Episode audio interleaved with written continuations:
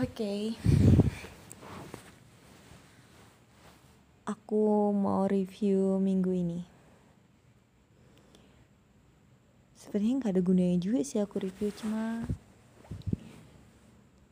ya mau refleksi aja, refleksi diri sendiri. Pertama apa ya? aku pun lupa. Oh ya, hari ini akhirnya aku vaksin. Hmm, setelah kapan ya? Dua hari yang lalu ya yang aku galau vaksin nggak vaksin gitu. Akhirnya hari ini aku vaksin juga vaksin untuk uh, supaya pandemi cepat berlalu supaya semua kembali pulih. Dan itu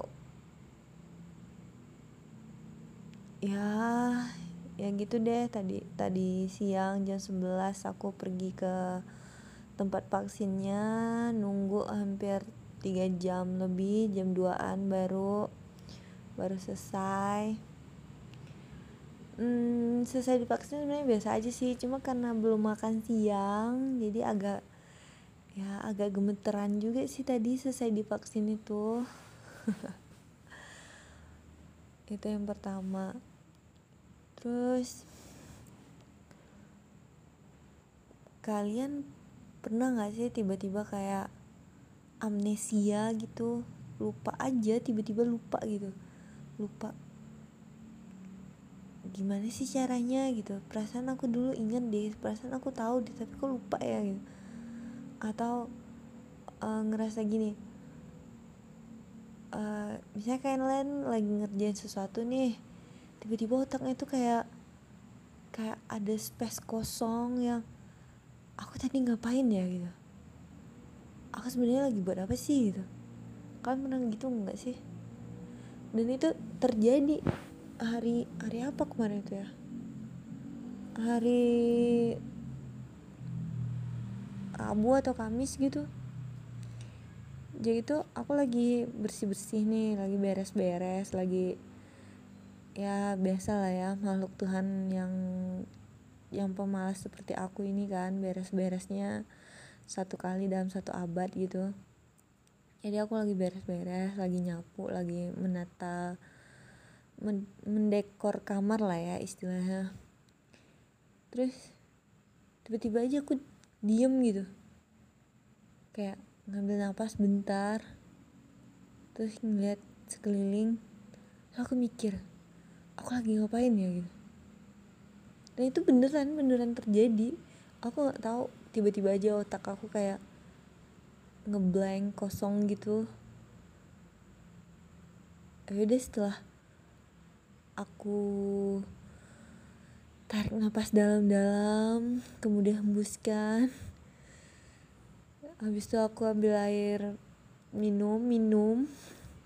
Terus aku minum terus aku baru oke. Okay.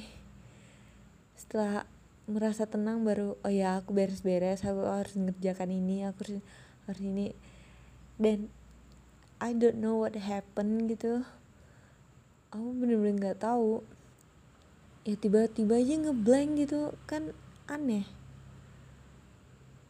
Terus sumpah ini paling absurd kalau ada yang dengerin ini sumpah kalian sepertinya nggak nggak punya waktu deh.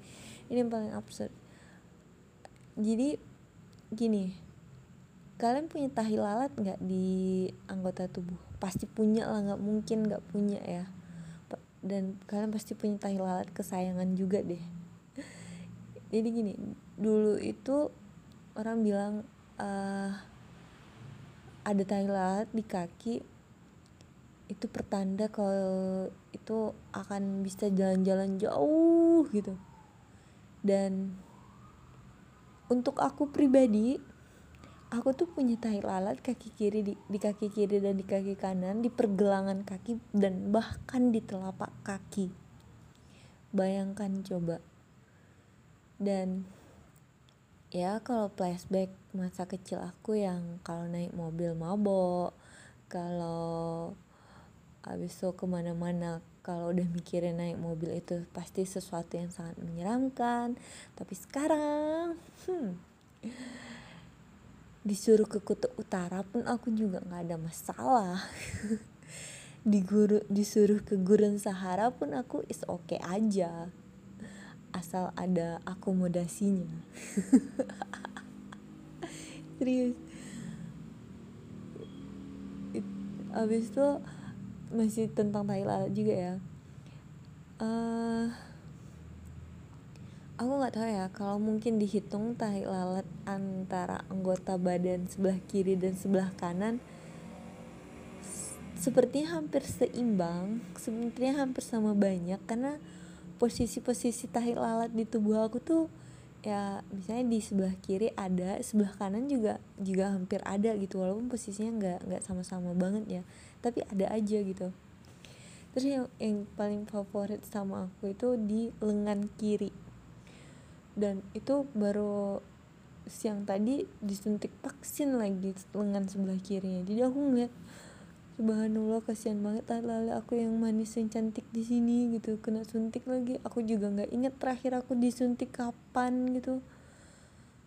Ya sempat sih beberapa kali uh, aku mengalami sakit atau gimana gitu ya. Tapi nggak sampai harus disuntik gitu. Cukup cukup minum obat atau cukup istirahat gitu. Udah selesai. Jadi kalau ditanya kapan terakhir disuntik nggak ingat. Dan dan baru tadi siang gara-gara vaksin ini gitu. Sebenarnya aku juga nggak mau divaksin ini tapi kalau aku nggak divaksin aku nggak bisa pulang beh. Gimana coba mau naik pesawat aja harus divaksin kan harus ada bukti vaksin gitu mau naik kereta jarak antar provinsi aja juga harus harus ada bukti vaksin. Sedangkan aku aku mau jalan-jalan ke Bandung Wah, astagfirullah. Ini kalau nyebut jalan-jalan papa lagi tadi tadi siang nge WA katanya awal Agustus mau ke Medan. Hmm. Memang memang.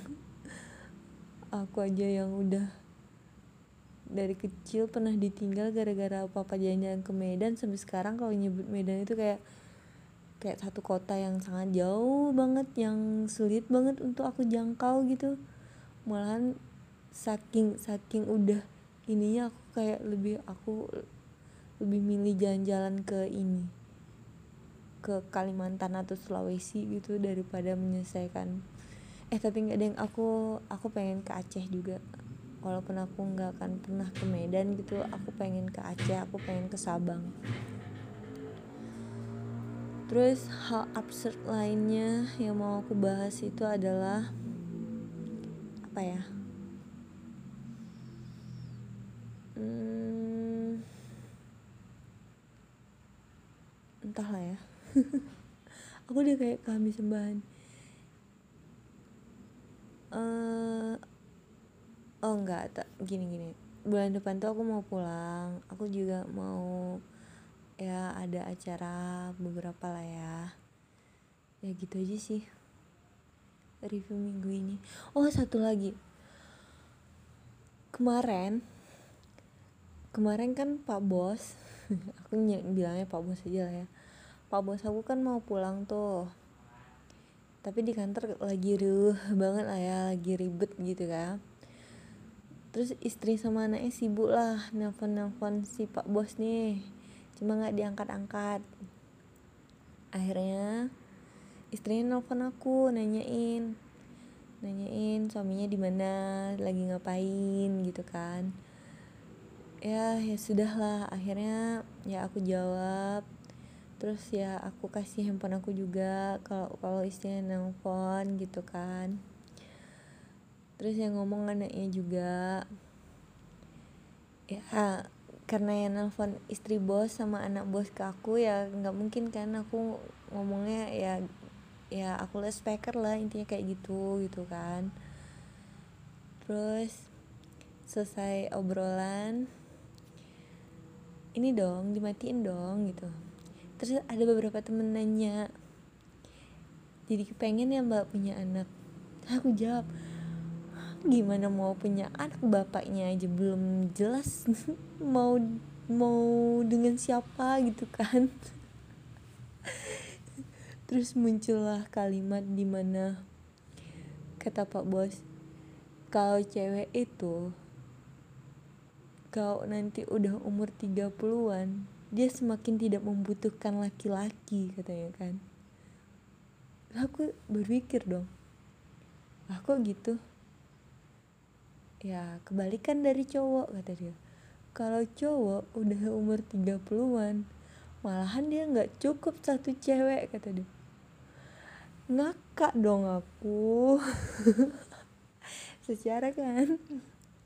Pak bos nih kan ya aku langsung nanya dong emang ada niat mau nambah? Enggak enggak gitu juga kata dia kan. Eh coba aja kalau kalau cewek itu biasanya semakin dia bertambah dewasa gitu kan semakin dia bisa memenuhi kebutuhan dirinya dia semakin tidak membutuhkan pendamping gitu.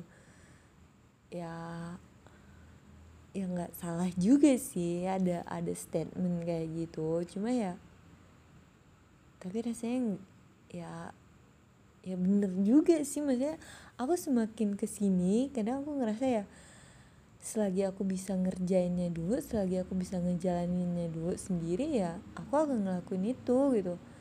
Karena bukan berarti aku nggak butuh temen enggak ya.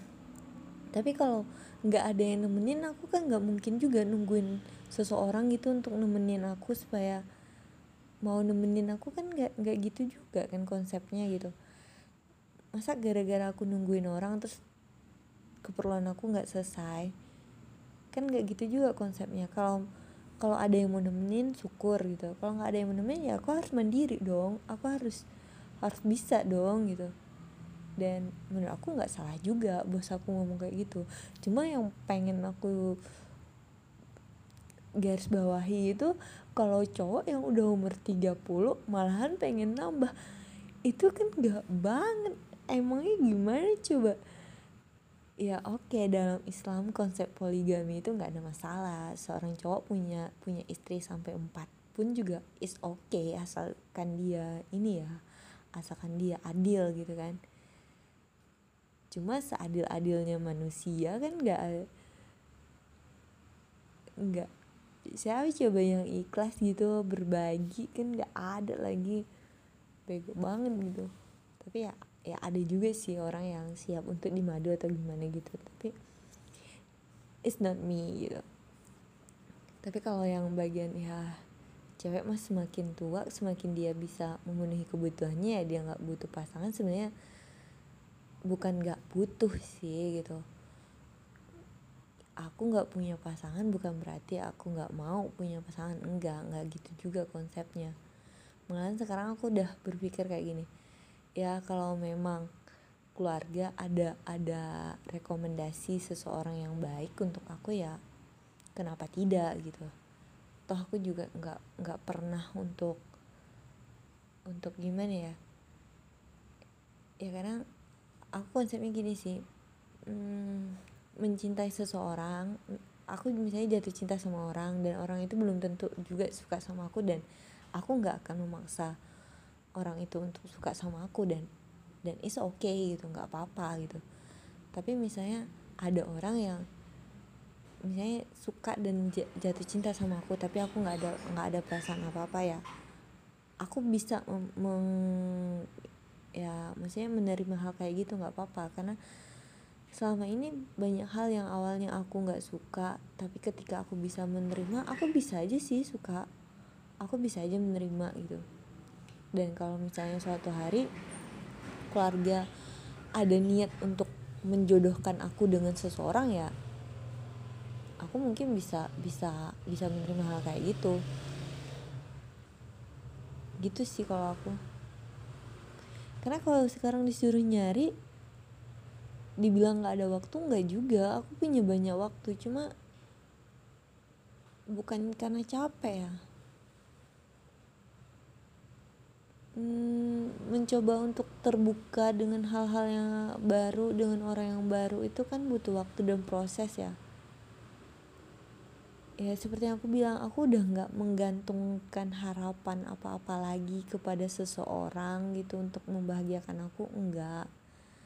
Tapi kalau misalnya ada orang yang datang terus bilang yuk kita coba sama-sama yuk. Mungkin saat ini kita nggak ada feeling apa-apa nggak ada uh, rasa apa-apa gitu. Tapi dengan